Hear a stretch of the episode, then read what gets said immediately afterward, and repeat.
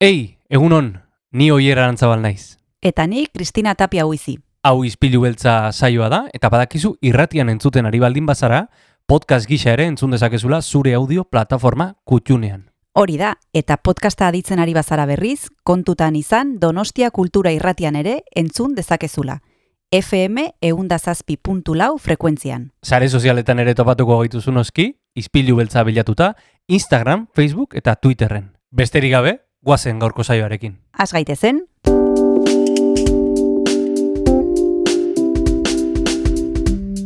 Ispilu beltza. Donostiako kulturaren berri, Oyer Arantzabal eta Kristina Tapia buizirekin.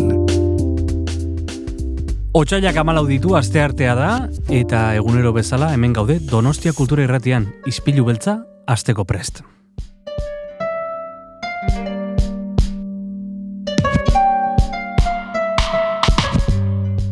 Egunon, Kristina. egun oier, zer moduz? Primeran, hemen e, eguneroko gure peioria azteko prest eta eta beti bezala gauza interesgarri mordoarekin, gainera e, astelen berezi batetik gatoz, atzoko eguna berezi izan zen. Oso berezia, nik uste dut oso saio polita egin genuela atzo, Tomasenen egon ginen, eta jende mordoa pasatzen e, izpilu beltzatik, e, altza kulturetxea ezagutzeko aukera izan genuen, baita altzako eragileak ezagutzeko aukera, eta bueno, Mhm. gustora egon ginen ez da? Bai, e, irretiaren egun ospatzeko modu oberik ez dago donostien, kasarezera gerturatzea baino. Eta guk aurrera jarraituko dugu geure eguneroko peioriarekin, esan dudan bezala, kulturaren inguruan hitz egiteko, eta gure gonbidatuak e, errepasatzeko.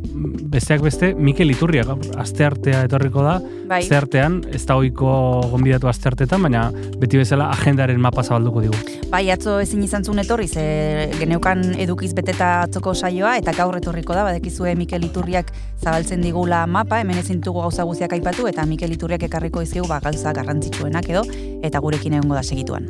Gainera, aste artea denez zinema zer itzin behar dugu eskamak kentzen atalean, kresalako lagunekin. Ondo dakizun bezala entzule, aste arteetan trobako zineman pelikula interesgarri bat proiektatzen dutelako, eta gaurkoan ere alaxe egingo dute, ze, ze film aukeratu dute gaurkorako. Ekarriko dute Entre las olas izena duen pelikula, Anais Bolpek zuzendutakoa, Janet Diaz izango dugu gurekin. Mhm. Eta horrez gain, musika zitzen behar dugu. Ba, pianista batekin hitz egingo dugu Mhm. musikaren inguruan, Luis Fernando Pérez, e, Schubert, e, Schuberten piezak e, interpretatuko ditu Victoria Jaunen antzokian, bihar izango da, otxaiaren amabostean, arratsaldeko zazpiterrietatik aurrera, oso elkarrizketa ederra izango dugu berarekin. Bueno, e, entzuten duzun bezala entzule, mm, gauza interesgarri mordoa dugu gaurko saioan, ohiko baino gehiago esango nuke, eta gainera mm, korrikako testigua, e, bueno, ez dakit korrikareko makila den, ala beste testigu bat, baina e, Jon Gartziak pasako dio Asier Errastiri. Hemen daude parean dauzkagu. Egunon? Alaxe da. Kaixo egunon. bueno, e, e, ez dakit nondik hasi, Jon, e, e, ja botako zaitugu taldetik, e, Bai, ya te llamaremos, ez? Edo, bai. Bueno, ni pena pixkatekin, Bai. baino, bai, zuk esan dezu. nabaritzen bezala. zaizu, eh? Bai. pena eta poza ze asierrek musika erra jarriko dugu, orduan, eh, lasai geratzen naiz, ez? Bueno, guazen esplikatzera pixka bat lehenago zer egiten ari garen, ze zuk bota duzu hola prasta eta igual entzulea gadago pixka bat galduta, oier. E, orain arte musika jartzen zuen Jon Gartzia gure lankideak, Bai. e, kantakatilu sekzioan, eta hemendik aurrera beste lankide bat izango dugu gurekin, Asier Errasti izena du, eta hemen daukogu gurekin, eta orain bai, Asier, egunon. egunon, egunon, Kristina, egunon oier. Eta bai, bueno, ez dakit e, Jon Gartziaren eh, maila mantentzenko gaitasuna izango da, baina behintzat asmoa hori da, eh? Es, Seguro eskarmenta ez zaizu falta, irratian eta e, ahotsarekin eta bai, bai, lokuzioan e, behintzat, bueno, bai, eskarmentu bada dukat, baina egia da musika gustuak ere Mhm. ba, garrantzian du, handia duela, ezta, kantakatilu atalean, eta eta ez dakit, e, bueno, ba, bai Bueno, ni- honen... Ni, fidatzen naiz, eh? Bai, bueno, Bai. ondoan izango zaitut, e, Bai. bulegoan, beraz laguntzare eskatuko dizut, noski. Noski, bai. Eta esan behar nuen, bueno, e, ja behin aurkeztuta, e, ibili zarela hainbat edabidetan lanean, eta eta orain podcast batekin ere bat zabiltzala, en, mm, azaldu guzu pixka bat e, Bai. zatozen, edo aurkeztu zure burua. ba, ba egia esan, e, amabost urtekin, ez? Amalurekin hasi nintzen e, horeretako irrati librean, eta orduztik ba, irratira engantzatuta egon naiz, hori izan da nere, nere drogarik, e, bueno, nere droga, eta hortik ba, donostiako txantxako irrati librera ere egin genuen salto, eta eta ondoren ba, nere afizioa, ba, ofizio biakatzea lortu nuen, ba, Euskal Erratitik, Infozazpitik, mm -hmm. eta beste hainbat irratitatik eh, pasata, eta orain, ba, ona iritsi gara, donostia kultura irratira, beraz, e, nik uste dut Euskal Herriko irrati guztien errepasoa nabiela. gorago zaila da, eh? Men, gorago. e, primera, ezagututa, igual bidea emango diogu, jo, nemaioz, bidea gaurko e, lehenengo musikari? Bueno, ba, asierren baimenarekin guazen e, saio aztera, ezta? Guazen.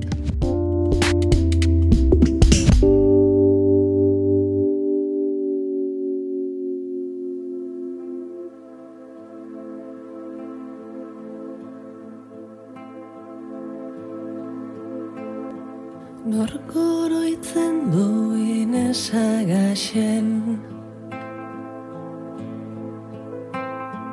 Nafarra eta endaiarra zen. Lankreren sokaz torturatua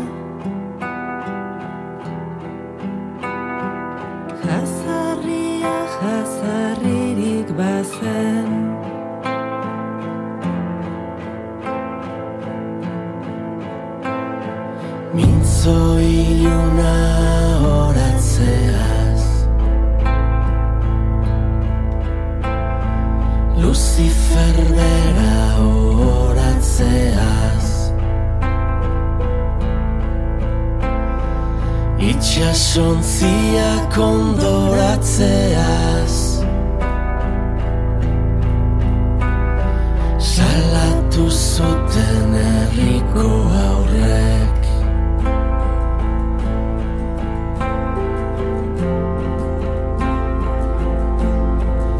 Inezagaxen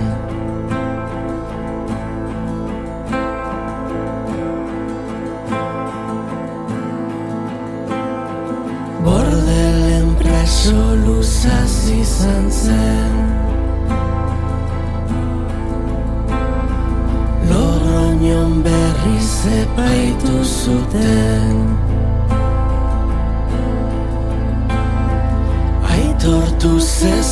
tematzen ziren Taldiro dena ukatzen zuen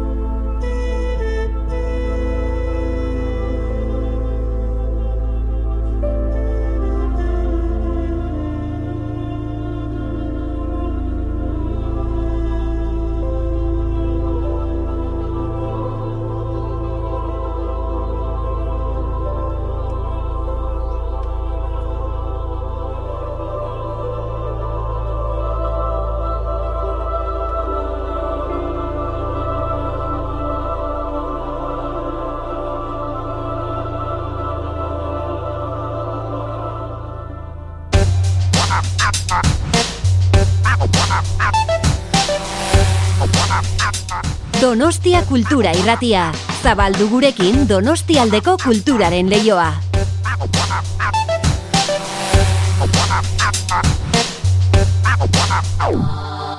Egun honen entzule gaur San Valentin eguna da eta badekizue aste hartetan normalean Kresala Zineklubeko lagunak izaten ditugula hemen txitxon astero, baina gaur ere izango dugu Mikel Iturria jauna agenda errepasatzeko ze atzo saio berezia izan genuen e, Tomasene kulturretxeko, bueno, Tomaseneko areta nagusitik eman genuen saioa zuzenean irratiaren eguna ospatzeko eta Mikel e, ba, Mikelen tartea ezin izan genuen hor jarri, baino gaur izango dugu hemen gurekin esan bezala Mikel Iturria agenda errepasatzeko. Egunon Mikel, zer modu zaude? Egunon, gaur, eh, abizena aldatu berko dugu, orduan, ez? Publizidadea sartuko dugu Mikel San Valentin iturria eta gitxo. E, hori da, eta gero ja hasi bomboiak saltzen, koloniak edo zuk nahi duzuna. Bai, eh, agenda, agenda kere saltzeko aukera daukagu, eh? Hori da. Jarduerak salduko ditugu. Hori da, guk gure asaldezakegu eta gero aizu, norbaiteke igual San Valentin eguna dela eta, txak, erosiko du hemengo zerbait. Bai, hori da. honetan, e, bueno, beharritugu, hain be, pena da, baina badakizu aste bete barru itxiko dituela e, irrati honetako kolaboratzaile izandako Ines egitziko itxiko du tobako deiz e, liburu den da. Hori da. Bueno, pues hemen ez da gize ze geratuko den. Baina, bueno, ez dugu horretaz hitz egingo, ze nahiko bete xamar daukagu agenda eta guazen agendarekin. Hori da. Mikel, ongi irutzen baldima zaizu antzerkiarekin hasiko gara, zer aipatuko duzu? Bueno, bazen antzerkiarekin eta kasu honetan euskarazko komedia bat daukagu. Antzoki izarrean ostiraletik e, igandera amaseitik ez ostiraletik ez ostegunetik igandera amaseitik emeretzira, e, nire menaldi bat, guztiak zazpiterrietan, igandetan izan ezik, gogoratu, igandetan zazpietan izaten dira normalean e, ikuskizunak. E, lehen dakari gaia, iker galartza eta zua izkurrutxaga, bere garaian ere egontzan, duela urte bete, okerrezpanago, eta badirudi arrakastatxua suertatu zala eta berriro errepikatu inda. E, zuaitz ere albiste izan zan du lagutxi, ba, erritxiki infernu handi utzi zuelako, eta e, geho iker galartza, ezalako saltxero bat, toki hainbat tokitan dagoena, eta, bueno, ba, gizue hor, lendakari autat sinepsiak esaten duena bera, lendakari autatu berria, inbeste idura ekitatirako edo pikarraro bat ateatzen zaio, eta ba, komedia, pikomediante antzoki zarrean, uh euskaraz lau emanaldi. Uh Eta gero ostiralea, hilak amazazpi, antzerki amaterra daukagu lugaritzen, gaztelania, stela marinera taldeak, nunca ez tarde, si, eh, si, pues eta geo puntu eh, suspensivos, o punto jarraian, bai. puntu eta jarrai. Bai. Mm, biak aipatu ondoren eta musikatara salto ina horretik, igual entzun dezakegu kantu bat, ez da? Justo, eh, eskatu behar nizun kanta bat, Mikel, zer pentsatu duzu tartentarako? Bueno, pues, bazen Interpol taldearen If You Really Love Nothing kantua, eta gero itse ingo dugu. Ederki, guazen Interpol taldearekin.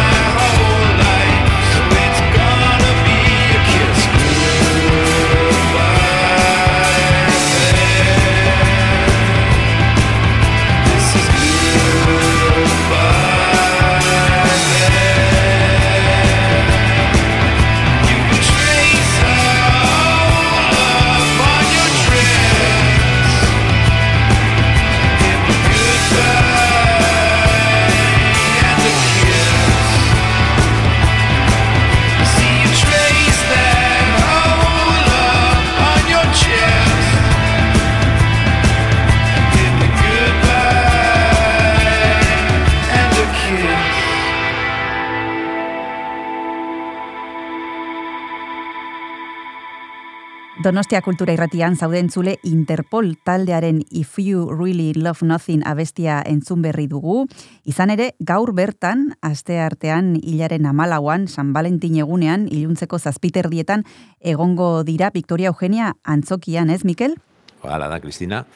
Ba, bueno, taldea laro eta mazazpiko urtearen bueltan edo sortu omentzan, New York, New Yorken, baina indarrean jarraitzen du, o eta bosoto karrera dute atzetik post-punk revival estiluan kokatzen da, bandu, ba, e, banda estatu batu erra. Mhm. Badak izaila izango dela sarrera lortzea, baina igual, Mm. bueno, ba, aukera ona da, zuzenean ikusteko, ez? Eta, bueno, pues, hoxe lehenengo proposamena. Bai, Bigarrena, izango litzateke, kasu honetan, jazaldian narituko diren tokiko taldeak aukeratzeko prozesuan, ba, bi kontzertu ditugu. Gaur bertan, altxerri, e, gelditzen baldin bazeate sarrerari gabe Interpol ikusteko, ba, e, funk fusio talde bat Bai. daukagu altxerrin zazpiterdietan, King Folk, zazpikote bada, Eta gero etzi ostegunean hilak amasei zazpiterdietan tabakaleran dagoen kutsa kulturkluban aldakan e, ritmo afrolatinoak eta sortzikote bat. Gero asteazkenean e, Frank Schuberri eskinitako zikloan Victoria Eugenian zazpiterdietan kontzertua pianista bat izango dugu, Luis Mhm. Fernando Pérez eta Bai. operazpanago gaur bertan izango dugu irratsaioan ezta? Hori da, gaur kultur periskopiaren ondoren, Luis Fernando Pérez, zuk esan duzun bezala, piano jotzailearekin arituko gara solasean, eta bihar, Mikel egon gara, Einaut elorrietarekin hemen izpilu beltzan. Einautek eh, kontzertua emango du Victoria Eugenian, ostiralean, hilaren amazazpian, zazpiterdietan, ez? Hori da, ostiralean, zazpi terdietan, eta etorriko da, fantasia izeneko diskoa aurkeztera. E, disko hau, e, amarkantu berriz osatzen den lan honetan, aitor etxe berria izan du ekoizle, e, kantu guztia berak egindakoak dira, hau da, ainautek egin ditu, mm, hitz batzuk ere beak idatzi ditu, baina, bueno, Usu Alberdi, Inigo Astiz, e, Jose Luis Otamendi, Itziar Ugarte eta Maia Lasa poeta eta idazlen letrak ere musikatu ditu. Bandarekin etorriko da, e, Rubén Caballero, Fernando Neira, Txus Aranburu eta Ander Zulaika. Mhm. Eta esango nuke ere, kasu honetan, antzokia beteta ikusiko dugula. Mhm. Larun batean, hilak e, emezortzi, zazpiterdietan, klub baretuan, Victoria Eugenia Klub, e, bikote bat, Atlantiko bikotea, duo Atlantiko, ba, irugarren batura zikloan edo, emakumea eta euskal musika izeneko ziklo horretan, ba, pian, e, violinista bat, e, Alex da Costa, eta e, gurean askotan egondana, bai irratsaioan eta baita e, Victoria Eugenian, Josu Bai. ok, e, Okinena pianista. Bai, bai. Ema Txakoni Lausaka, Ma, Maria Luisa Ozaita, Brahms eta Rabelen lanak e, entzungai. Eta musikaren atalaua amaitzeko, ba, eskatuko diogu Jon Gartziari Einautela horritaren zutaz letrak idazteko kantua jartzeko, e, Jose Luis Otamendiren letra da, eta ia ber ze, zer iruditzen zaigun. Ederki bagoazen Einaut elorrietaren zutaz letrak idazteko kantua entzutera.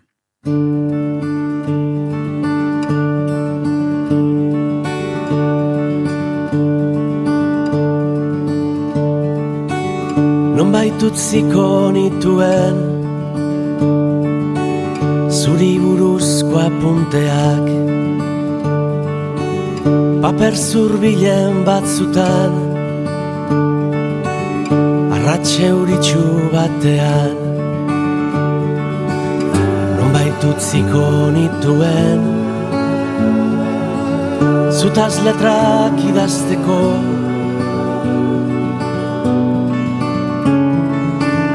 Nonbait utziko zintudan Gaur ni maitatu ostean. Nonbait utziko zintudan Arnaz sartzea zaztuta. Nonbait utziko zintudan Zutaz kantak egiteko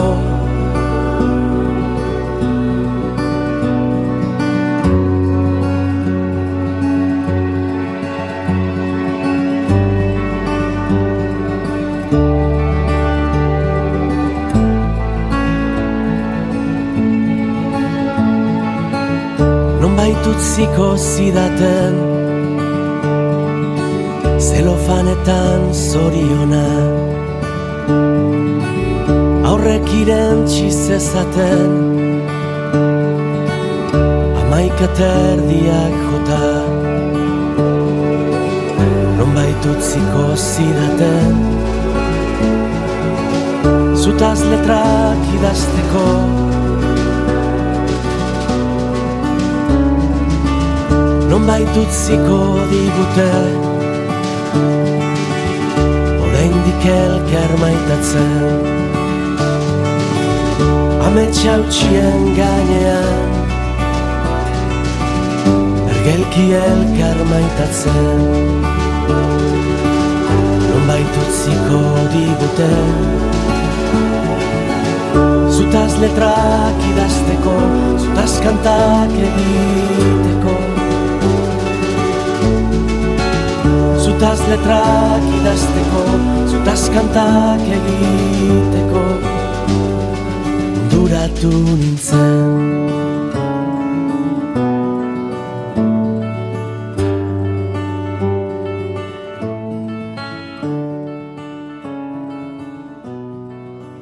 Einaute lorrietaren zutaz letrak idazteko kantua entzun ondoren, gogoratu larun batean hilaren amazazpian Victoria Eugenian dugula eta bihar irratoi saioan aukera entzuteko aukera izango duzuela guk egindako elkarrizketan. Egin dezagun saltu orain Mikel, literaturara e, zer aurkituko dugu e, arlo hontan? Ze itzaldi gomida edo itzaldi edo bueno, ekit, ekimen e, gomendatuko dituzu? Ba, kasu honetan hiru literatur solasaldi ipatuko ditugu, gaur bertan, asti artea itxarrundo kulturetxean zazpietan, The Book Tour autoren jira, handi Watsonen komiki bat da, e, kasu honetan komiki buruzko gaztelaniazko solasaldia tokatzen da, hilabete honetan, Juan Manuel Diaz de Gereñuk e, gidatuko duena. Bihar, otxailak, amabost, e, asteazkena, gaztean elaniazko literatur solasaldia Tomas Hemen, Cuentos de amor, de locura y de muerte, Horazio Kirogarena, eta e, liburuko hainbat e, ipuin irakurri eta jorratuko dituztean Amerinoren eskutik. Eta maitzeko, larun batean, hilak emezortzi, eguerdiko amabietan, argazki liburu baten aurkezpena, e, Camila de Maffei e, bost urtez aritu da Danubio ibaiaren delta arakatzen, ba, Errumania eta Ukrania artean da, dagoen Europako ibai deltarek handiena, irubila bosteun kilometro kuadro dira, eta argazki liburu hau orkestuko du, ba, gizue Gabriela Zendoia bergaretxe bilduma dagoela e, Santelmon, eta ba, berarekin batera egiten den programaren barruan edo dago jarduera hau. Ederki, ba, errepasatu ditugu Mikel antzerkia, musika eta literatura agendak, eta orain erakusketen eremuan sartuko gara.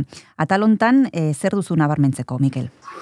Bueno, pues alde batetikan, okendon, astean zehar amaituko diren bi erakusketa aipatuko ditugu, eta gero Santelmon zabalduko den beste bat. Bai?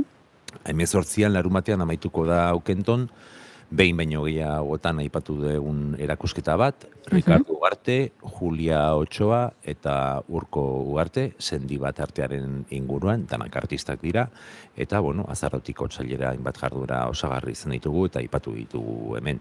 Gogoratu okendo goizta arratsalez dagoela zabalik, astelenetik osteralera, eta larun batetan ere bai. E, hilaren amazazpian, ostiralean emango dira ezagutzera nortzuk irabazi duten Pilar Grazia bigarren pintura materleak eta pil, e, prokultura kantolatu du Donostia kulturarekin batera, e, Pilar Grazia zenaren omenez egindako lehiaketa. Ostiralean, hilak amazazpi, Santelmon zabalduko da maia, e, maiatzaren bukaera arte ikusgai izango den irakusketa bat, amable ariaz banbalinetan, amable ariaz e, zendu zan, eta, bueno, pues, e, mila bat zirunta berroita malau, eta mila bat zirunta berroita emeretzi bitartean egindako akuarelak eta marrazkiak e, antzokizarreko, mm, bueno, bai, bere ikuspegi pertsonal hori, orain memoria zain naiz, baina esango nuke em, familiako norbait zenideren bat zeukala antzokizarrean lanean, eta horregatik Mm. bere biltzen zalan Mm. e, argazki, argazkiak ez, e, akuarelak eta marrazki hauek Mhm. egiten. Komisarioa Mikel Lertxunde Galiana da, eta erakusketa laborategian izango da, Santelmoko laborategian. E, maiatzaren bukaera arte dago, gogoratu neguan Santelmoren ordutegia asteartetik igandera dela, eta za, amarretatik zazpietara. Ederki. Ba, bloke hau amaitu dugu eta egin behar dugu tartetxo txiki bat eta segituan gara bueltan.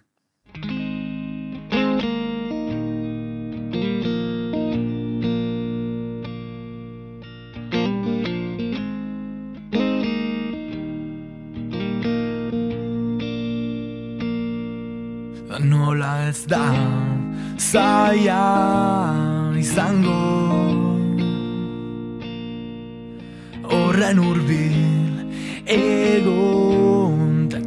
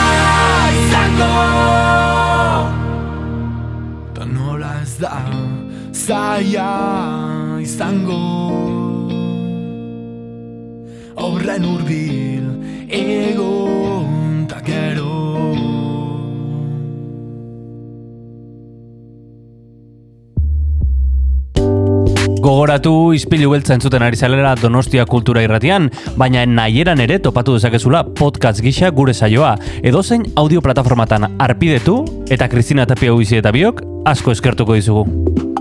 Orain jarrai dezala saioak.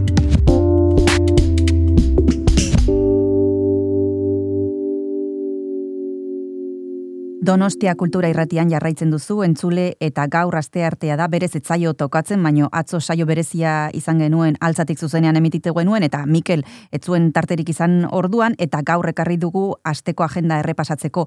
Gogoratu behar dugu beste behin komena dela, komeni dela gertutik jarraitzea Donostia kulturaren sare sozialak, batez ere abildua Donostia kultura e, kontua Twitterren eta webgunea donostiakultura.eus azken orduko aldaketen berri izateko. Eta orain, aipatu behar ditugu Mikel, pentsamendua eta gogoetan e, ditugun e, pare bat ekitaldi. Bale, bale, lehena gaur bertan, asti hartia, santen daukagu, zazpietan hasiko da, genealogia berriekin azten, saio hau e, EHUko gorputza egiletasuna eta generoa euskal kulturo sorkultzan ikerkuta proiektuaren barruan kokatzen da, mai inguruan e, aizea bartzen mila, irrimarra bikote sortzailea, hau da, Carmele Gorroño eta Irene Irureta, eta Arrate uh Rodríguez izango dira gonbideratuak e, Leire San Martinek moderatuko du, eta okerrez panago, pasaden osteguna izan zen, aizea bartzen ila izpilu biltza saioan, ez da, Kristina? Hori da, osteguneko saioan izan genuen aizea barzenila, zuke, zuke esan bezala, eta irratia.donostiakultura.eus webgunean edo gustuko e, duzuen podcast plataforman arakatu, eta entzun dezakezue elkarrizketa ze oso interesgarria izan zen, eta gomendatzen dizuet biziki e, rekuperatzea elkarrizketa hori aizearekin, eta orain, aipatu behar ditugu beste e, pare bat gauza, Mikel, e, zein dira nabarmendu behar dituzun gauza pare hori? Ba, e, aurre ingo dugu, esan ez atzo, hasi zela okendo kulturetxean osasun astea, osasuna betaurreko sozialekin, e, hori da zikloaren izenburua eta gaurtik aurrera baditugu seiterdietan e, Baion Maia, bertsolari eta kanta egilea, Euskal Herrian etorkinak, bai. ongi etorriak galdera da. Migrazioak eta bai. osasuna lortzen duen e, itzaldi bat izango da. Gero Mariluz Esteban irakaslea, Mariluz Esteban Galartza, Manifiesto de las Mujeres, eh, el Manifiesto de las Mujeres Viejas, liburuaren egilea da, eta genero bat adina e, eta osasuna e, ba hoiek nola nola uztartzen diran e, jorratuko du. Eta bukatzeko amaseian gizarte baldintzatzaileak grosen auzoko osasunaren diagnostikoa e, determinatzaile sozialak zeintzuk diren, zea osasun aktibo dauden grosen, eta bar, eta bar, nahiko mm. serioa dana, baina, bueno, mm, e, lau egun hauek bukatzeko, amaitzeko umorez beteriko laburpena egingo du nerea arriolak. E, ostiralean Santelmon beste itzaldi bat. Nerea Barjola izango dugu violentzia eta misoginia. Violentzia misoginia gazteleraz dalako e, bere itzaldia. Deustoko bai. Unibertsitateko Arestaldearekin batera antolatutako berdintasunaren aurkako erresistentzian izeneko ziklo bat dago, akizu hmm. misoginia dela emakumeren ganako gorrotoa edo hori dala misoginia eta bueno, ba berak e, barjolak e, politologa da, e, aktivista feminista, ikartzailea eta idazlea eta e, terrore sexuala emakumeen gorputza eta bizitza kontrolatzeko mm, ba hor dagoen estrategia aztertzen du eta bere arabera ba belaunaldi bakoitzak bere alkaser kasua du alkaser zer ez gaur, uh -huh. bueno, laroi oita mar urte ez, laroi tamarreko amarkadan famatu intzan kasu, indarkeria kasu hori. E, Modaretzailea uh -huh. izango da, deustuko unibertsitatiko irakaslea, eta, bueno, bukatzen, e, bukatzen ari gara, ez da, igual aurra dituzten umentzako planekin bukatuko du. Bai, hori da, eta gainera, inauteriak e, ateioka ditu, bueno, herri batzutan ja ospatu dituzte, eta nik uste dut ongi etorriak izango direla jarduera hoiek ere aipatu gauza batzuk, eh, Mikel, zer ikusezak egu beraiekin egunotan? Bai, mm, inauteriak aipatu dituzunez, ba, igual esango Donostia festakek, Donostia kulturaren egunean duen atalean dagoela informazioa, donostiakultura.eus barra festak. Eta bai. irauteriak hilaren amaseian, hasiko dira. Hortik aurrera, guazen bai. aurrekin, hiru emanaldi aipatuko ditu danak larun batean, hilak emezortzi. Bai. Lehena goizeko amaiketan, aur liburutegi nagusian, hilero dagoen irakurketa kluba, e, mintzoa bai. kuskus, galtzagorrirekin batera egiten dana, sei eta zortzi urteko aurrentza da, sei zortzi urte bitarteko aurrentza, gurasoek ere nahi izan ezkero joan daitezke, eta Mari Garziak gidatzen du saioa. Bigarrena bostetan da, aieten, aiote kulturetxean, kiki eta moko Bai. paiazoak txintxilin bakea egin. Paiazoek bakearen atea itxita dagoela e, horren berri izango dute eta denon laguntzarekin bakearen atea zabaltzea lortuko dute. Azkenik egia kulturetxean, bosterdietan, benetan B taldearen batetik bestera, hiru urtetik gorako aurrei eta familiei zu, e, zuzendutako umorezko antzerkia da, giza migrazio buruz hitz egingo dugu, baina txoriburu izango gara hausnarketarako audia puntu izateko grinaz. Eta beraz, txoriburu amaituko dugu agenda, Kristina. Oso ondo, amaitu dugu asteontako errepasoa, baina agur esan aurretik, Mikel, eskatu behar dizut kanta bat.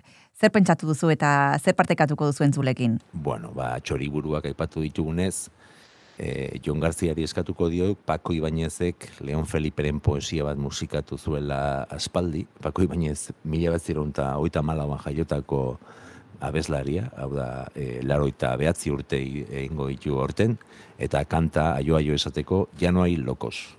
Ederki, ba, guazen entzutera abesti hau, eta honekin batera agurtuko dugu Mikel Iturria datorren astera arte. Eskerrik asko eta bezarkada bat. Zuei.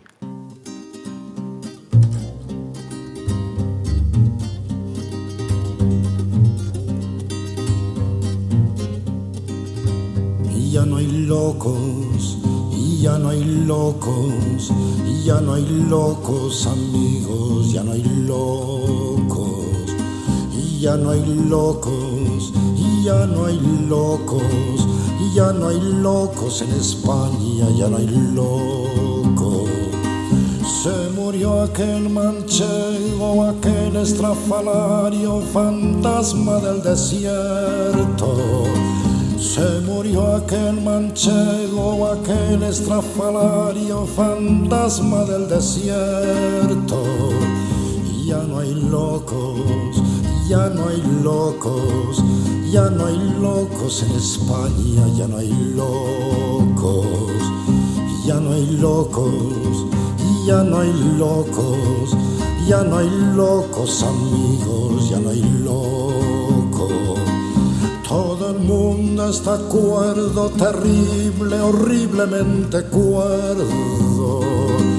Todo el mundo está cuerdo, terrible, horriblemente cuerdo. Ya no hay locos, ya no hay locos, ya no hay locos en España, ya no hay locos, ya no hay locos, ya no hay locos, ya no hay locos amigos, ya no hay locos.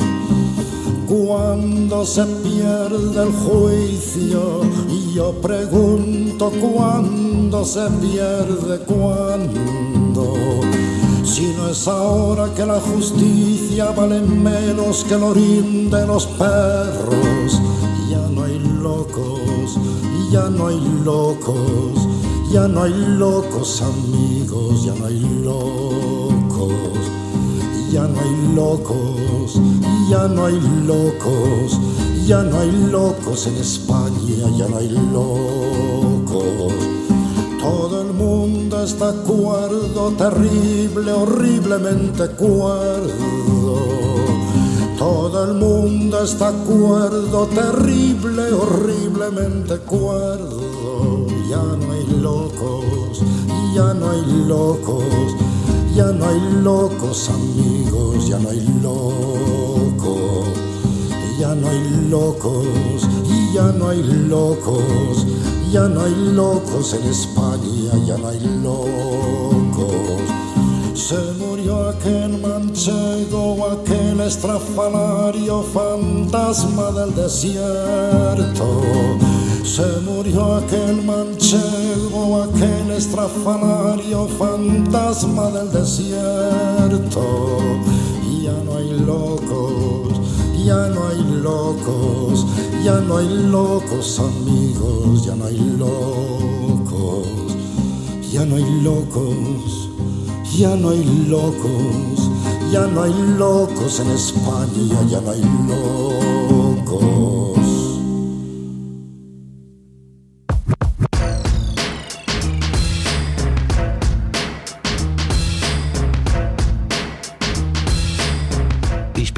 Beltza. Donostiako kultur paisaiaren isla da, Donostia kultura irratian, eta zure audio plataforman, Spotify, Apple Podcast, Google Podcast, eta irratia.donostiakultura.eus webgunean.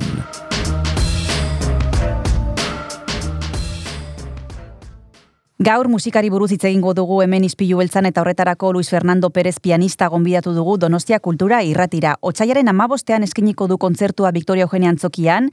Egunon, Luis Fernando, ¿qué tal estás? De maravilla, muchísimas gracias.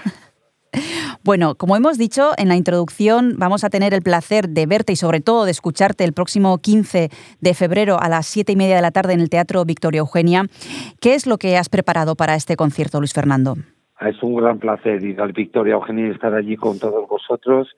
Es un programa dentro del ciclo eh, Schubert de Donostia Ujú. Música, eh, que hace un ciclo ex- exquisito este año dedicado a Franz Schubert, que es un compositor romántico que hizo una música increíble y sobre todo pianista hizo una música increíble para piano y allí haré pues su colección de improntus más conocida que es eh, son cuatro improntus opus 90 que son eh, tocados prácticamente por todos los pianistas también los los iniciantes en sus primeros cursos algunos de ellos los tocan y son muy conocidos y la sonata en la mayor eh, opus 120 que es una sonata increíble entre movimientos una de sus obras maestras. Como pianista, Luis Fernando, ¿cuál es el reto de este repertorio? ¿En, en dónde reside la dificultad? El reto de la música de Schubert es que es una música muy exquisita en su emoción, muy eh, Schubert es un compositor hipersensible y muy elegante siempre, muy exquisito y al mismo tiempo utiliza unos recursos pianísticos muy austeros. Eh, no es un compositor muy masivo, es un compositor de poca nota, poca nota con mucha mucha sustancia y por esa razón eh, nuestro nuestra dificultad es de conseguir una limpieza en la ejecución y una claridad en la ejecución que al mismo tiempo mantenga una esencia muy honesta y que esa esa esencia y esa sonoridad honesta del mensaje del compositor pueda llegar hacia vosotros, ¿no?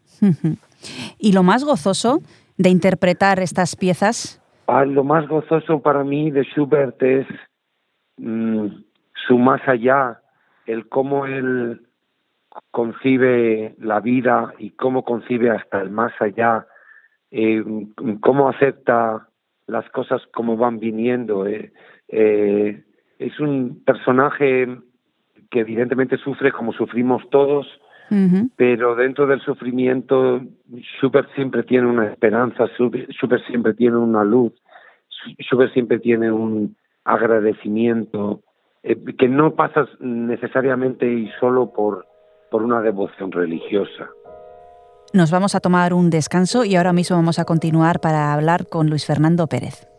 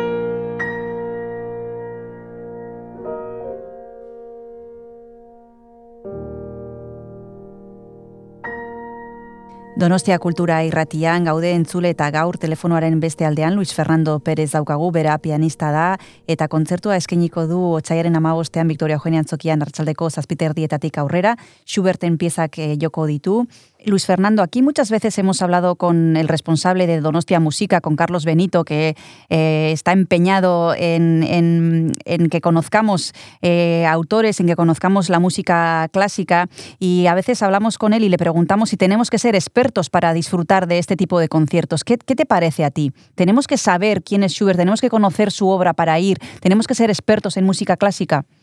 Es gracias a Carlos que, me invitó con todo el cariño y es importantísimo que, que todos vayáis, e incluso los que no hayáis oído nada de Schubert, que vayáis a los conciertos del ciclo.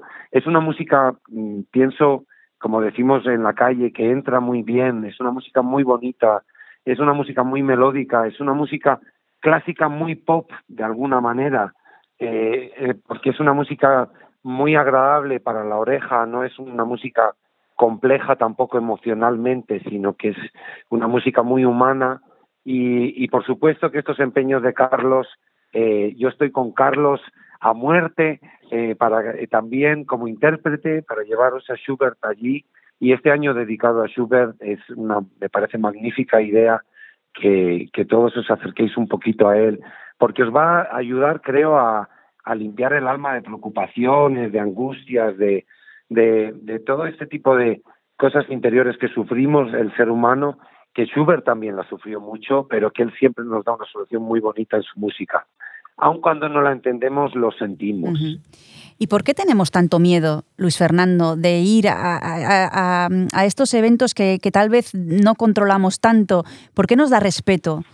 La música clásica ha sido siempre eh, elitista porque eh, detrás de la música clásica, claro, hay un gran trabajo cultural y de cultivación eh, intelectual, uh -huh. ¿no? Y luego también ha pertenecido, pues a lo largo de la historia, sobre todo a la aristocracia, uh -huh. a los nobles, a los reyes, a... siempre ha sido un, una especie de sinónimo de elegancia. Sí. Pero hoy en día, en el siglo XXII, la música clásica es, eh, somos nosotros. Uh -huh eh, vivimos en sociedades diferentes, sociedades democráticas. Creo que este elitismo de la música clásica ya ha desaparecido y la gente sigue teniendo un poco ese miedo de cómo voy vestido, puedo ir en sí. vaqueros, eh, puedo llevar zapatilla deportiva, sí. eh, tengo que ponerme elegante. No, no, eh, cada uno tiene que ir a, a, a, la actividad como considera y libre a disfrutar y a ver qué es, con la curiosidad de dejarse llevar. En este sentido, ¿crees que en otros países eh, este tipo de música eh, tiene más arraigo en la sociedad? En, España, ¿cómo, ves el, la, situación comparada con, con, otros lugares del mundo? En España es que somos un país muy rico y muy diverso. Entonces, al ser tan rico y tan diverso, tenemos que dedicar grandes eh, eh, esfuerzos culturales también a nuestro folclore, mm. a nuestras bandas municipales. Mm. A, este, tenemos una música tan rica y tan diversa que, claro, eh, cada sector no tiene a lo mejor la misma fuerza que puedan tener en países extranjeros. Uh -huh. Pero porque somos uno de los países, creo, más ricos musicalmente.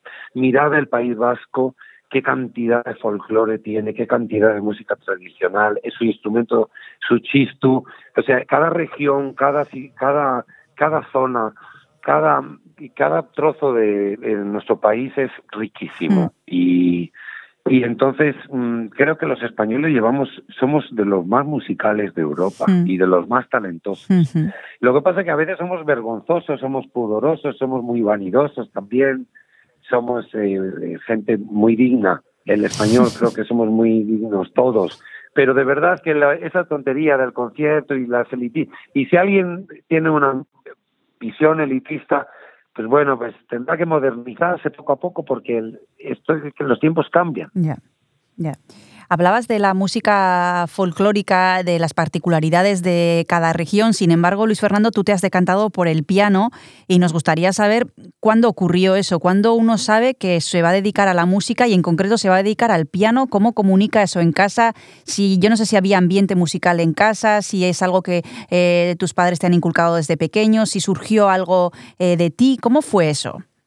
Lo dices muy bien, Cristina. Fue en casa, eh, fueron mis padres. Mi padre estudió piano y estudió casi toda la carrera, Mm. aunque luego no se dedicó a ello. En casa siempre hubo un piano. Mi padre siempre tocaba preciosamente, pero tenía, era muy talentoso, es muy talentoso y, y tocaba bonito. Y, y yo, al parecer, ellos, mis padres fueron inteligentes y vieron en mí cosas que yo ni, ni he sabido de mí, que existían de talentos y cosas que ellos dicen. Mi madre me metió en el conservatorio y que siempre he abogado mucho por mis estudios, mis papeles, mis, mis Mm. cosas. Y Hmm. siempre ha sido una mujer muy organizada y, y ahí empezó todo. Y mi padre me dio las primeras clases de piano, me ayudó muchísimo. Luego empecé con mi profesor Andrés Sánchez Tirado en mi pueblo. Y de ahí pasé a Basquirov, que me cambió la vida con Basquirov y con Galina y Azarova en la Escuela Reina Sofía. Mm. Y a partir de ahí, ya con 15 años, fue un, un cambio radical. Tuve que pensar si dejar el colegio, hacerlo por los estudios nocturnos. Y ahí empezó toda la, la locura maravillosa. Nos vamos a tomar el segundo descanso y ahora mismo vamos a continuar aquí en Donostia Cultura y Ratía para hablar con el pianista Luis Fernando Pérez.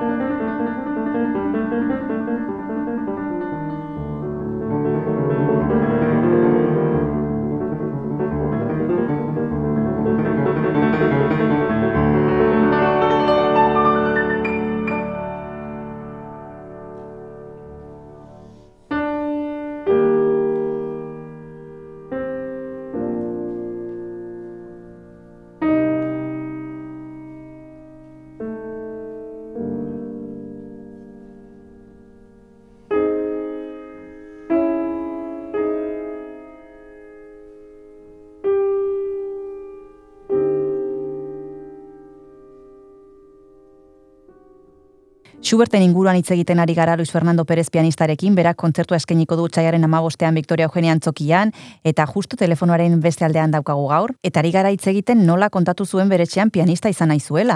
Una locura maravillosa que muchas veces cuando se comunica en, en casa suele ser un momento crítico, porque no es lo mismo decir que uno va a ser abogado o va a ser médico que uno va a ser pianista, que depende en cada en qué casa sea esa, esa, esa comunicación, pues cae de una manera o cae de otra. En tu caso, ¿cómo fue? Eh, ¿Tuviste el, el, apoyo desde el principio? Porque una cosa es que el niño vaya al conservatorio y otra cosa es que quiera dedicarse de forma, de forma profesional al piano. Sí, la verdad, yo, yo tengo la suerte en mi vida de tener unos padres absolutamente maravillosos. Ellos en, en, en cuanto a lo religioso, siempre en mi casa nos han dado libertad a mi hermana y a mí a hacer lo que quisiéramos. Uh -huh. Si queríamos creer y queríamos ir a misa, les parecía bien. Si no queríamos ir, les parecía bien. Uh -huh. eh, y en los estudios también. Me acuerdo de aquella reunión con 15 años cuando me admitieron en la Reina Sofía, en casa por la noche, los tres, y ellos diciéndome que qué quería hacer con mi vida.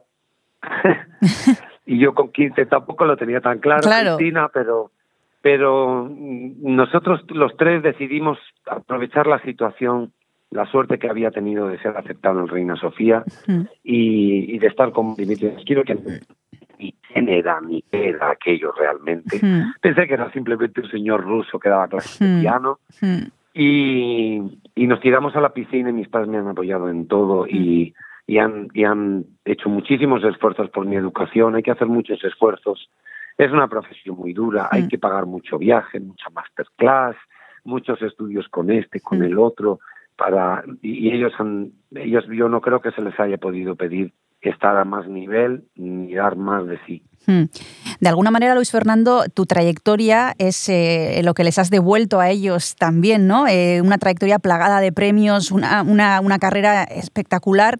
Y yo no sé qué ha sido lo más difícil en este camino, en este camino dedicado al piano y dedicado a ofrecer esta música a los oyentes. ¿Qué, qué, se te viene a la memoria si te pregunto por algo que te haya costado especialmente, por un reto que, que te haya sido difícil solventar? Lo, yo creo que la eterna lucha de los músicos con mayúsculas y me, yo me vais a perdonar la, falti, la, la, enorme mala educación y falta de modestia de intentar incluirme el, el que la música sea tu, tu vida mm. y, y, y, tu única preocupación musical y, y, sea toda la música todo el rato en la cabeza, mm. ¿no? Y frente a la industria. Entonces ese siempre es un poco nuestro gran reto, ¿no? El que la industria siempre no se olvide de nosotros mm. y siempre nos, mm, nos dé un, aunque sea un huequito, eh, pero que nos dé un huequito para, para poder compartir cosas con el público. Uh -huh. Y mm, yo no sé si eh, la crítica, por ejemplo, en tu caso, que ha sido de lo más positiva, eh, ayuda, si es una responsabilidad extra, si no, no, no hacer caso es mejor. ¿Cómo, se, cómo, cómo encajas eh, la crítica y también los premios en, en, tu carrera, Luis Fernando? Pues, por una parte, eh, no debes mirarlos y te, debe, y te deben dar igual, claro porque debes de tener una fuerza motora personal que sea la que siempre mueva mm. todo. Y, pero mm. por otra parte, mmm, son muy gustosas y también crean grandes amigos y también dan a conocer a gente muy intelectual y a gente con grandes conocimientos del medio y de, y de, y de muchas cosas. Y, y la verdad que en mi caso ha sido uno de mis grandes regalos, yo jamás habría imaginado creo que si he acumulado una o un par de críticas reguleras en toda mi vida, son de todas las críticas que tengo, todas son buenísimas. Mm. Eh, he tenido esa enorme suerte de contar con el cariño de, de, toda esta gente tan importante y tan intelectual. Y, y los premios, pues bueno, pues siempre hacen ilusión. Y dices tu responsabilidad, claro, cada cosa positiva que dice nadie de uno da responsabilidad, pero y qué bueno que la dé también. Mm. Es parte de la electricidad de la situación siempre, es maravilloso. Hablaba Luis Fernando Pérez del cariño de la crítica, que no le han faltado nunca las buenas palabras, salvo un par que han sido un poco más reguleras, como decía él, pero también tenemos que destacar el cariño del público y eso es lo que podemos hacer, como hemos dicho, el próximo 15 de febrero en el Teatro Victoria Eugenia, es devolverle un poquito de lo que él nos va a ofrecer. Eh, Luis Fernando Pérez, eh, porque como sabéis, va a ofrecer este programa organizado por Donostia Música en el que se va a dedicar a Franz Schubert, al compositor que, que nos ha ido detallando eh, anteriormente cuáles son la, las piezas que, que, va a interpretar. Luis Fernando Pérez, eh, te dejamos. Ha sido un placer charlar contigo. Invitamos a los oyentes a que se acerquen al Teatro Victoria Eugenia, que no tengan miedo, que vayan a probar que investiguen y que se dejen seducir. Muchísimas gracias por tu tiempo y un abrazo muy grande. Hasta la próxima. Muchísimas gracias a ti, Cristina, y a todos, y un beso fuerte a todos. Gracias. Gracias, adiós. Adiós, adiós. adiós.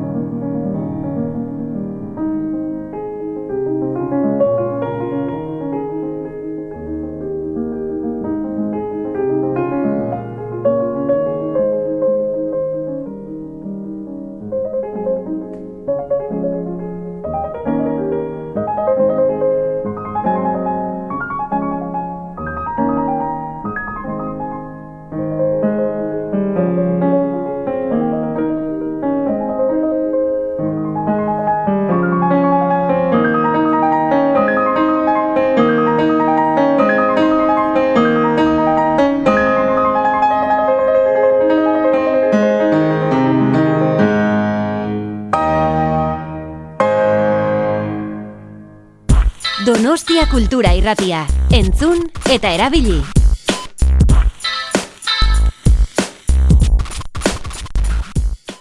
Aste artea da entzule, badekizu aste eta hasieran iragarri dugun bezala zinemari buruz aritzea gustatzen zaigula hemen ispilu beltzan Donostia Kultura Irratian eta gaur Janet Diezen e, txanda dugu, Kresala Zinekuleko laguna eta aukeratu duen edo duten e, pelikulak izena du Entre las Solas. E, 2008 bat garren urteko pelikula bat da, Frantziakoa, Anaiz e, Bolpek zuzendutakoa.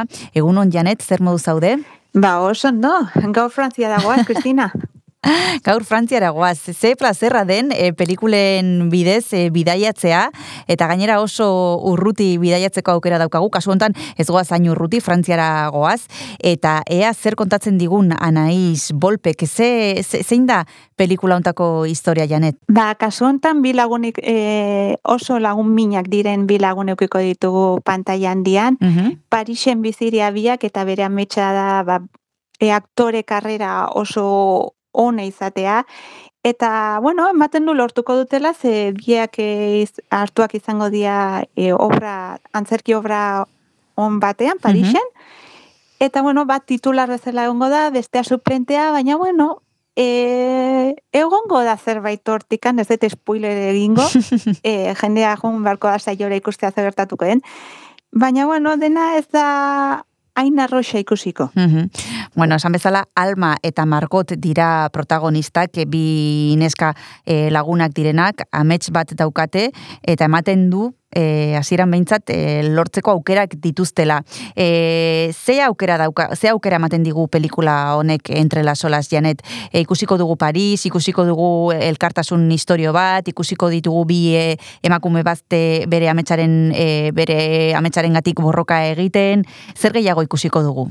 Ba, bai, Paris ikusiko dugu, borroka hori baita ere, eta baita ere, eta nik uste, e, ba, bueno, e, filmaren pilarra edo gai zentrala dela e, biek daukaten e, laguntasun hori, ez? Mhm. E, oso oso lagunak dira eta nola ba bueno, gertat jungo dian gerta, gauzak e, gertatzen, ba nola e, jungo dian e, baita bat eta bestea, ba e, hori gauz horiei aurre egiten, ez? E, eta indar hori biek daukaten e, laguntasuna eta e, ba niretzako da pilarra, ez? Mm. Filmaren pilarra. Mhm.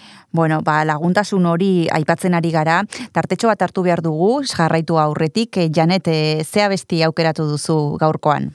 Ba, ber, artista baten izena ondo esaten duran, bata da Sara Larson eta bestea Nick, um, Nick, e, barkatu gaizke esan balin baret, eta bestea da Never Forget You.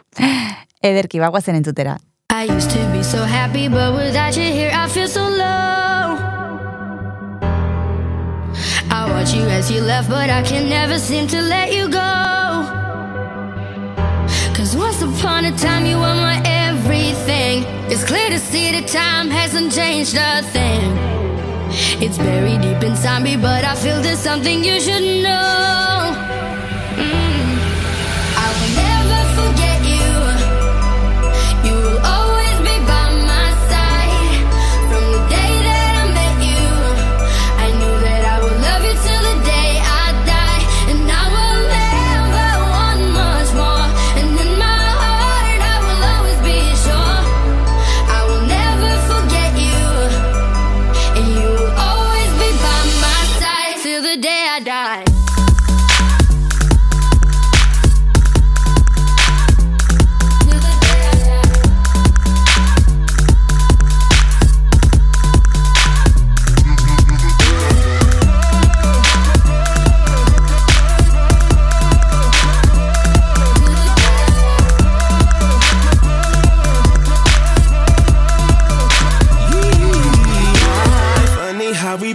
happy, but I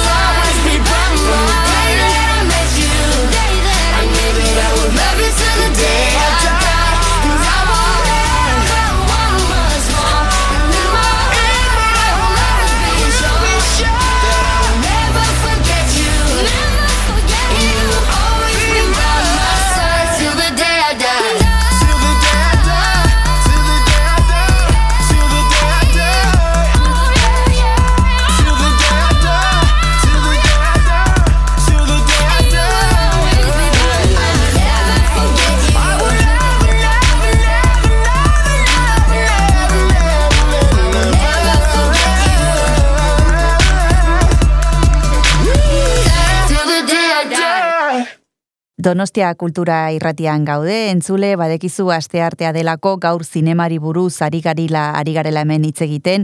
Kasu hontan Janet Diez hurbildu zaigo ispilu beltzara, badekizu gaur arratsaldean trueba zinemetan proiekzioa daukatela, arratsaldeko zazpiterdietan gero solasaldia egoten da beti eta kasu hontan e, proiektatuko duten pelikulak izena du Entre las olas, e, duela bi urteko pelikula da, Frantziakoa eta Anaiz e, Bolpe da zuzendaria aipatu dugu lehen e, laguntasun historio bat dela, bi neska gazte direla protagonista, Alma eta Margot, e, ba, ezin dira bereizi, elkarrekin egiten dute dena, Parisen bizi dira, eta bueno, beraien ametsa e, lortzeko, ba, borroka asko egiten dute.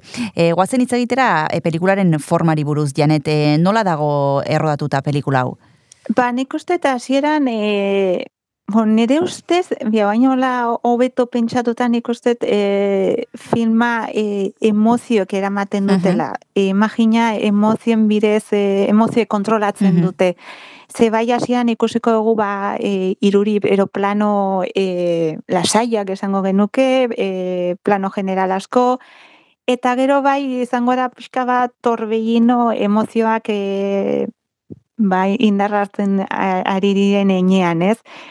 Eta, bueno, e, grabatuta dago moru denok ulertzeko moduan, moru errez baten, eta baita ere, ba, bueno, azkeneko aldian hemen egon nintzenean filma motza zen, bai, ba, haue, bai, film motzara, baina nik uste filma motza eta potentia. E, zein gustatuko zaio filma hau, ze aipatu dugu e, protagonistak direla bineska gazte, eta nik ez dakite bereziki gazteendako e, e, den filma hau, edo, bueno, edo ez, e, ze berez, bueno, ez dakite e, universala den kontatzen duen historia. Ba, nik uste e, denentzako dela. Ze azkenean e, kontatzen duen historioa ez bakarrik e, bilagunen emozioak eta bueno, abenturak baizik eta beste gertatzen den beste gauza, ez dut spoiler egingo, ba, nik uste bai gaztekero, bai helduekero, helduagoek e, bizi, bizitzeko aukera dute ez. Sori txarrez esan beharko dit, baina bai, edo norri gertatuko litzateke. Aipatu behar dugu e, aktoreak direla Soueila Jacob eta Debora Lukumuena, eta azken honek Lukumuenak e, Cesar Saria irabazi zuela beste pelikula batengatik, e, Divin izena duen pelikula batengatik. Zeirute zaizu beraien lana? Ze, behintzat kartelean, zen da hori nik daukadan hemen justu parean, ikusten zaio oso e, natural, eta nik ez dakit lortzen dute naturaltasun hori ere transmititzea pantaiaren, pantaiarekin.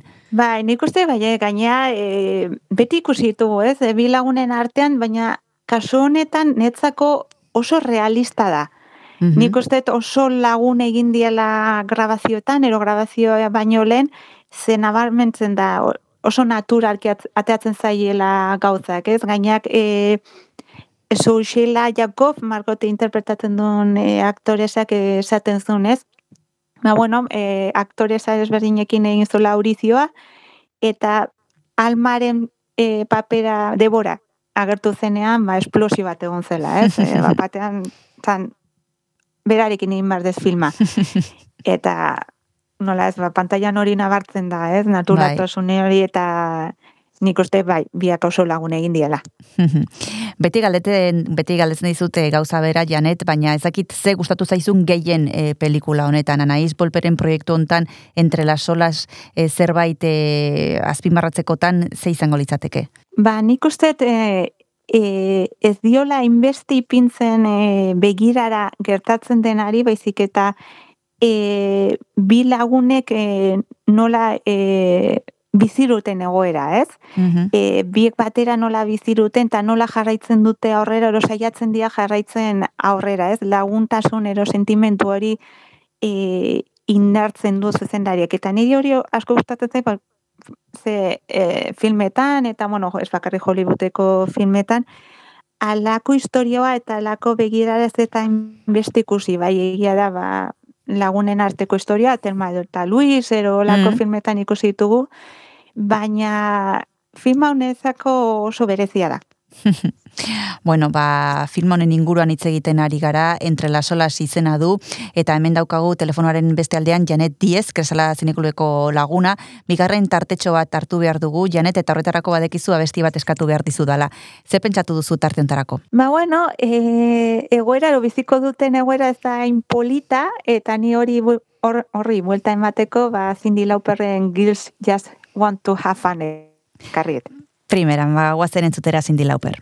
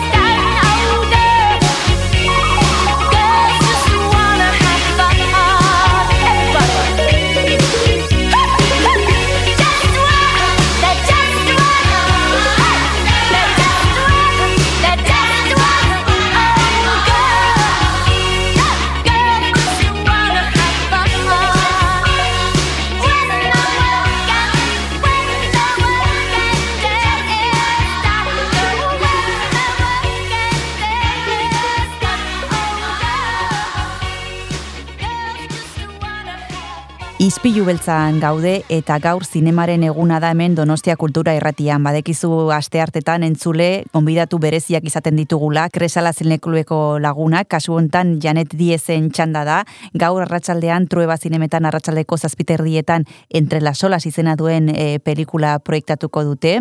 Anaiz Bolpek zuzendutakoa eta bertan kontatzen du zuzendari frantsesak e, ba, bi lagunen historia Alma eta Margot e, beresezinak dira eta beraien ametsa da aktore izatea.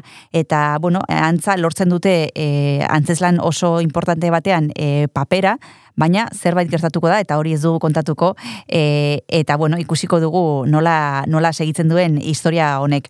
E, Anaiz Bolperen lana aipatu nahiko nuke orain e, Janet e, nola ikusi duzu zuzendari hau eta ze zaugarri e, dituela esango zenuke? Ba, ez nun ezagutzen, esan egia esan da ez nun Mhm. ezagutzen zuzendari hau, Mhm. baina asko gustatu zai bere begirara. Gaina, e, badago momentu baten, pelikulan, e, ezakit, amaieran, ero hasieran dan, jartzen dula derikadoa eta ezakit, eta gainakidekin komentatu dut, ezakit egitan gertatu zitzaion e, historia dela, ze barakit e, zuzendariak e, ba, margoten pertsonaia bezala ba, beste herrialde batera june, juntzela ba, bera metxa jarraitzeko, ero behintzat Mhm. e, horrekin e, ba, apostu egiteko, eta esaldi horiek, e, esaldi horrek barkatu, e, nik uste e, zerbait daukala horratzean, ero nik uste zendariak erlazio estua dula historioakin, Aha. Eta egia esan bai gustatu zein nola jarri dion begirara laguntasunari gehiene, gehien bat eta ez dio egoera ero bueno, gertatzen denari hainbeste garrantzia ematen, ez? Bere garrantzia du noski, ze gauza ez oso polita da, baina bueno, eh berarentzako garrantzitsua da laguna, eh ba gertatzen dena baino. Eta pegaren bat ikusi diozu? Ba ez. Orain Ze begi, ze, ze begi eskertuak dituzun Janet, be, e, oso borobilak ikusten dituzu pelikulak beti, ze plazerra. Bai, igual agian urrengoan igual pegaren bat ikusten diot urrengo filmari, baina Bueno. momentuz eh, ikusten dituranak eh, ez dizkiote pegarik ikusten. Oso ondo.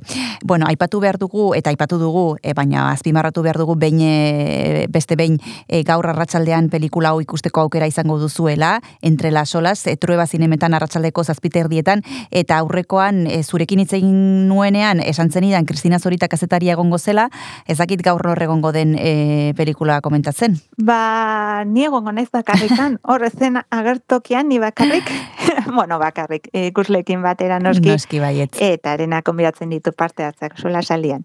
Noski baiez, beti esaten dugu, baino gaur ere esango dugu, solasaldia oso garrantzitsua dela, pelikula ikustea pantalla handian bai, baina gero gelditzea eta solastea eta ez izatea beldurrik e, iritzia e, botatzeko, ze, bueno, hor ateratzen dira oso gauza ederrak eta interesgarriak.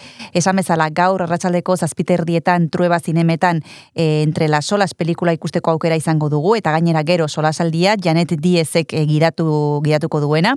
Eskerrik asko, Janet e, beste behin izpilu bertzara hurbiltzeagatik eta aurrengora arte bezarkada bat. Besarkara, Kristina, mila esker.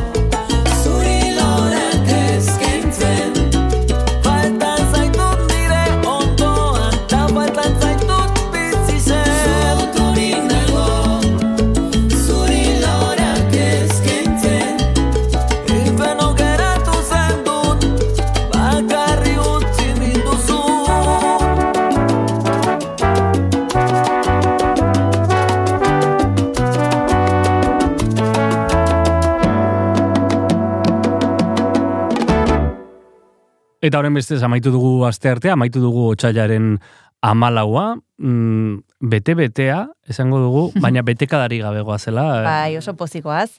Bai. Eta bihar ere pozik etorriko gara, ze bihar izango dugu gurekin oier, einaute lorrieta. E, disko berria e, kaleratu du, fantasia izenekoa, eta otxaiaren amazazpian aurkeztuko du, Victoria Eugenia Antzokian, eta guk bihar gonbidatu dugu. Bihar inaute lorgeta izango dugu esan bezala, eta tira, beti bezala, mm, bueno, ba, informazioa, musika, kultura, hemen Donostia Kultura Erratian, FM 1.6.lau frekuentzian, eta dena delako audio plataforman. Badakizu izpilu beltza irratxai bai izata ez gainera, podcast gisa ere igotzen dugula, eta nahieran entzun dezakezula. Besterik ez, bihar arte. Bihar arte, agur. Agur, agur.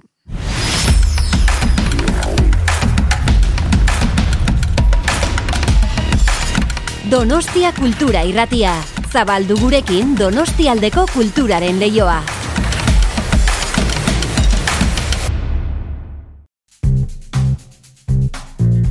Kanta katilua.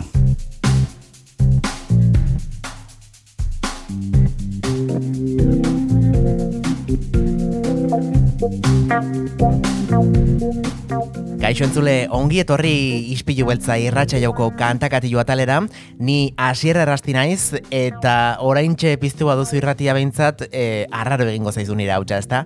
Hasieran e, esan dugu, gaurko saiotik aurrera, baion gartziari errelau egitera natorrela, egia esan ez da zer egin erresa, eh? azken hilabetetan sekulako maila utzi duelako gartziak hemen musika kontuetan, eta, bueno, maila hori mantentzen e, saiatuko gara hemendik aurrera ere. Badakizue, kantakatiluan, bueno, ba, musikari egiten diegula tartea, irratsaio honetan, eta gaurkoan ere, alaxe, egingo diegu. Konkretuki, euskal musika izango dugu gaurkoan ardatz, eta gehiago luzatu gabe lehen kantuarekin asteragoaz. Egia esan, erabaki zaila izan da, eh? gaurkoan, bueno, ba, euskal musika guztiaren artean eh, kanta bat aukeratzea, Baina tira, Donostia kultura irratian gaudenez, ispilu beltza irratxa joan, ba, pentsatu dut, e, Donostiako talde batek hartzea, Donostiako talde batekin estrenatzea kantakatiluko, bueno, ba, etapa berri hau, eta kasu honetan, bueno, ba, hau ere ez da, aukerak eta erreza izan Donostian talentu izugarria dugulako, e, bai disiplina artistiko anitzetan, baina baita konkretuki ere musika arloan. Eta tira, ba, buelta asko eman ondoren, nogen taldea etorri zait burura. Azken urteetan, bueno, sekulako arrakasta izaten ari den talde donostiarra, badakizue 2008 garren urtean kaleratu zuela bere azken diska, Under Alt izena duena, eta, bueno, ba, bertako diska hortako kantu entzunenetako bat, arrakastotxunetako bat, entzuteragoaz jarraian. Euria.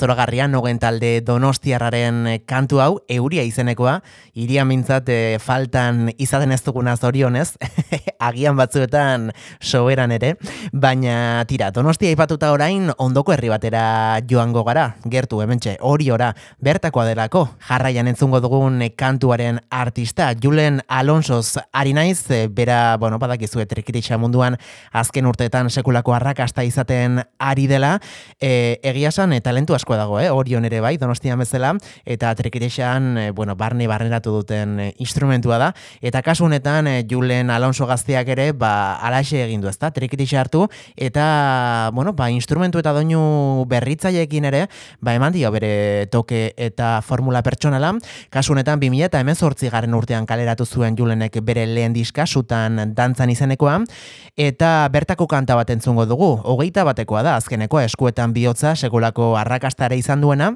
baina dudari gabe, ba, Julen Alonso entzuten dugunean, mm, kanturen bat eh, burura etortzen bat zaigu ez da, gehiengoei, ba, jarraian entzungo duguna da. Zindagit, e, anekdota moduan, sare sozialetan ere, ba, ezkontza askotan, e, ezkondutako bikotek nola dantzatzen duten, ezkontzan bertan ikusi izan duguna. Hau da, esan bezala, Julen Alonsoren zindagit.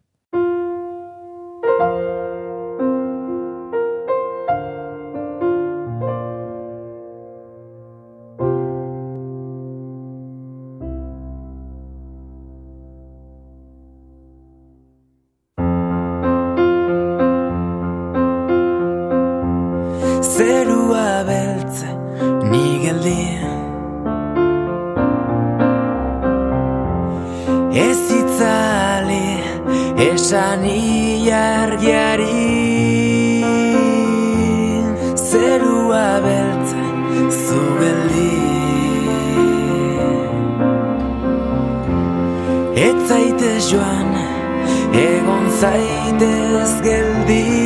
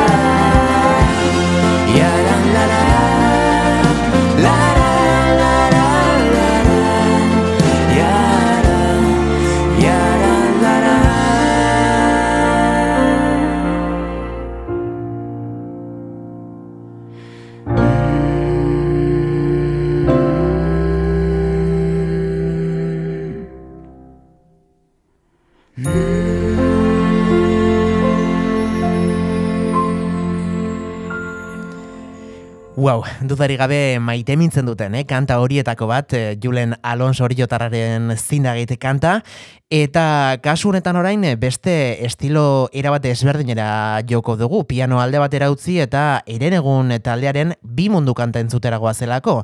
E, kantaren hasiera egia esan eh, berezia da. Ez pentsatu, eh? hemen bideokliparen eh, audioa jarri dizugunik, kanta horrela kaleratu zuten, e, gainera esan beharra dugu, kanta bakarka ez zutela plazaratu, joan den eh, pasa den urte honetan, eren egun taldeak amaiou eta txaka artisten eh, kolaborazioaren eh, bidez ere egin duelako basorkuntza berri hau. Esan bezala, hause duzue, eren egun taldearen bi mundu kantua.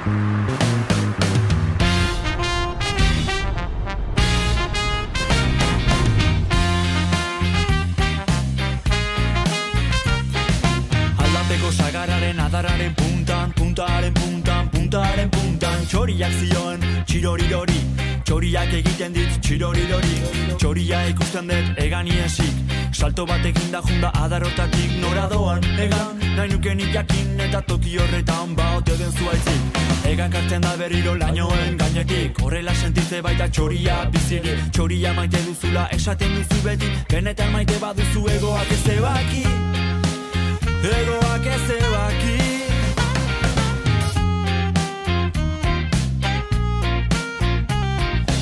Txoria joan orduko sagarra da erori Zuaitza asere dago kendu duta gainetik. Zua dara ni sagarra eta ni zure beharra Ni zugasi niztu nahian utzi nauzu zintzili. Utzi nauzu zintzili.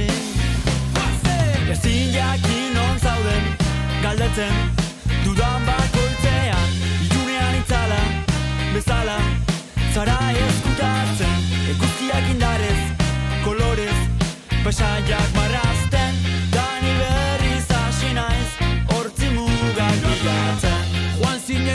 ez daki nonago nonaizen ta berdin du denak. Azaldu edo etorriko zaren itxaropena Oraintik ez da bukatzen Naiz da gauetan zerura begiratzen. Horregongo naizelako Esperantza galdu gabe.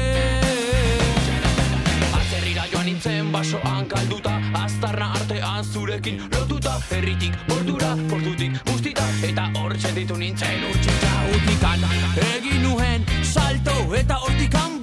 bota Nituen malko ze horrere ezin duan aurkitu. Ta berriz egin nintzan tristetu eta triste jarraitu nuen. Ibai batean nindoan bidaiatzen Uste nuen hor zinela eta guztita hortxe joan nintzen zuzen. Eguzkira ta bidean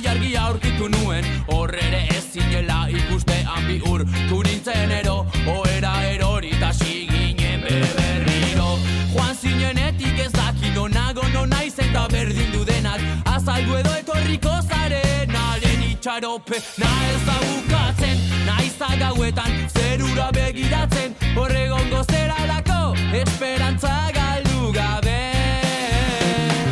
Ezin jakin zauden galdetzen dudan bakoitzean.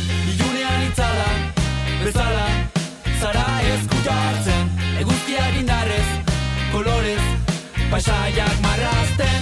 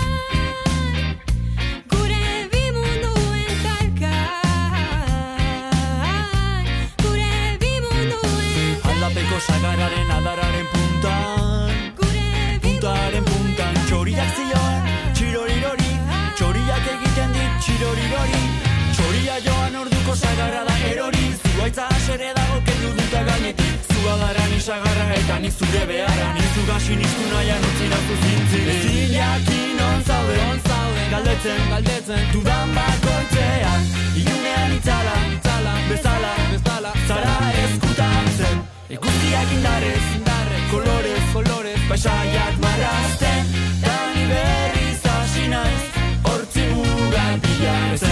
jakin on zaude, on zaude Galdetzen, galdetzen, dudan bakoitzean Ilunean itzala, itzala, bezala, bezala Zara eskutatzen Eguzkiak indarrez, indarrez Kolorez, kolorez, paisaiak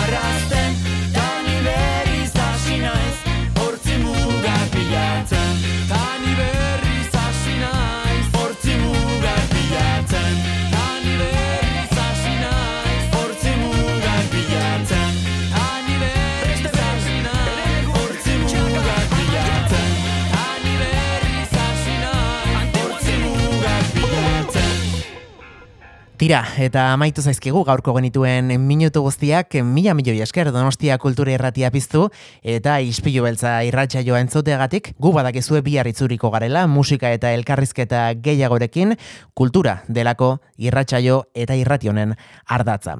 Hori bai, joan aurretik azken kanta bat ere jarriko dugu eta horretarako arabar herriosara joko dugu bertakoak direlako entol sarmiento taldea osatzen duten artistak. Duela gutxi, guretzat eh, albuma kaleratu zuten eta bertako berriro has gaitezen kantuaz agurtuko gara. Bihar arte.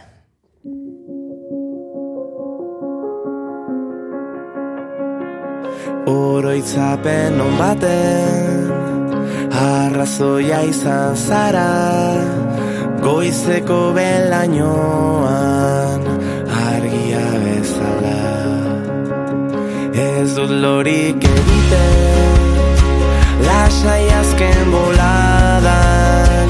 Ez dakizu bakilo Edo ni naizen baina. Berriro az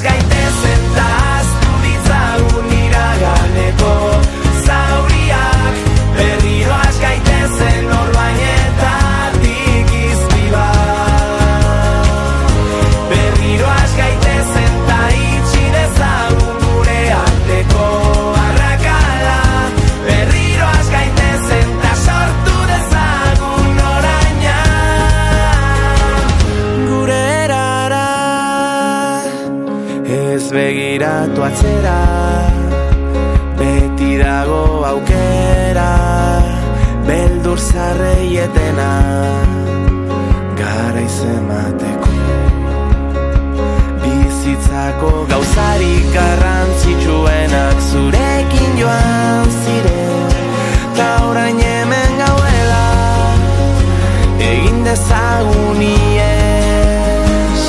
Berriro az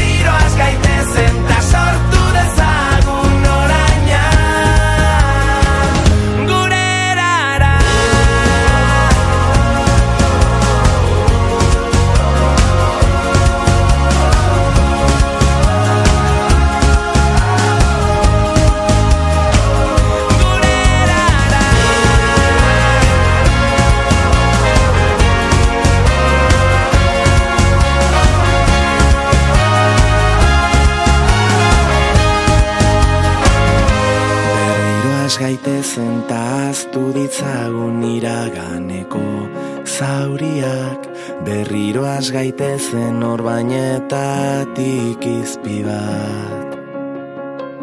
Berriro has gaitezen ta itxi dezagun gure arteko arrakala.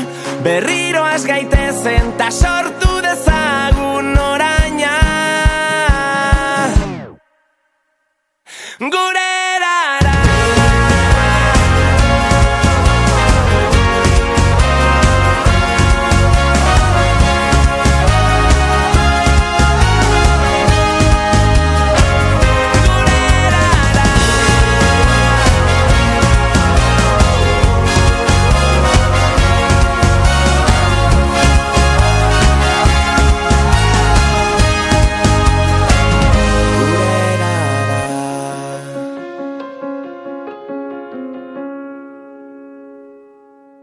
Ispilu beltza podcasta entzungai duzu irratia.donostiakultura.eus webgunean, Spotify, Apple Podcasten, Google Podcasten edo zure audio plataforma kutxunenean.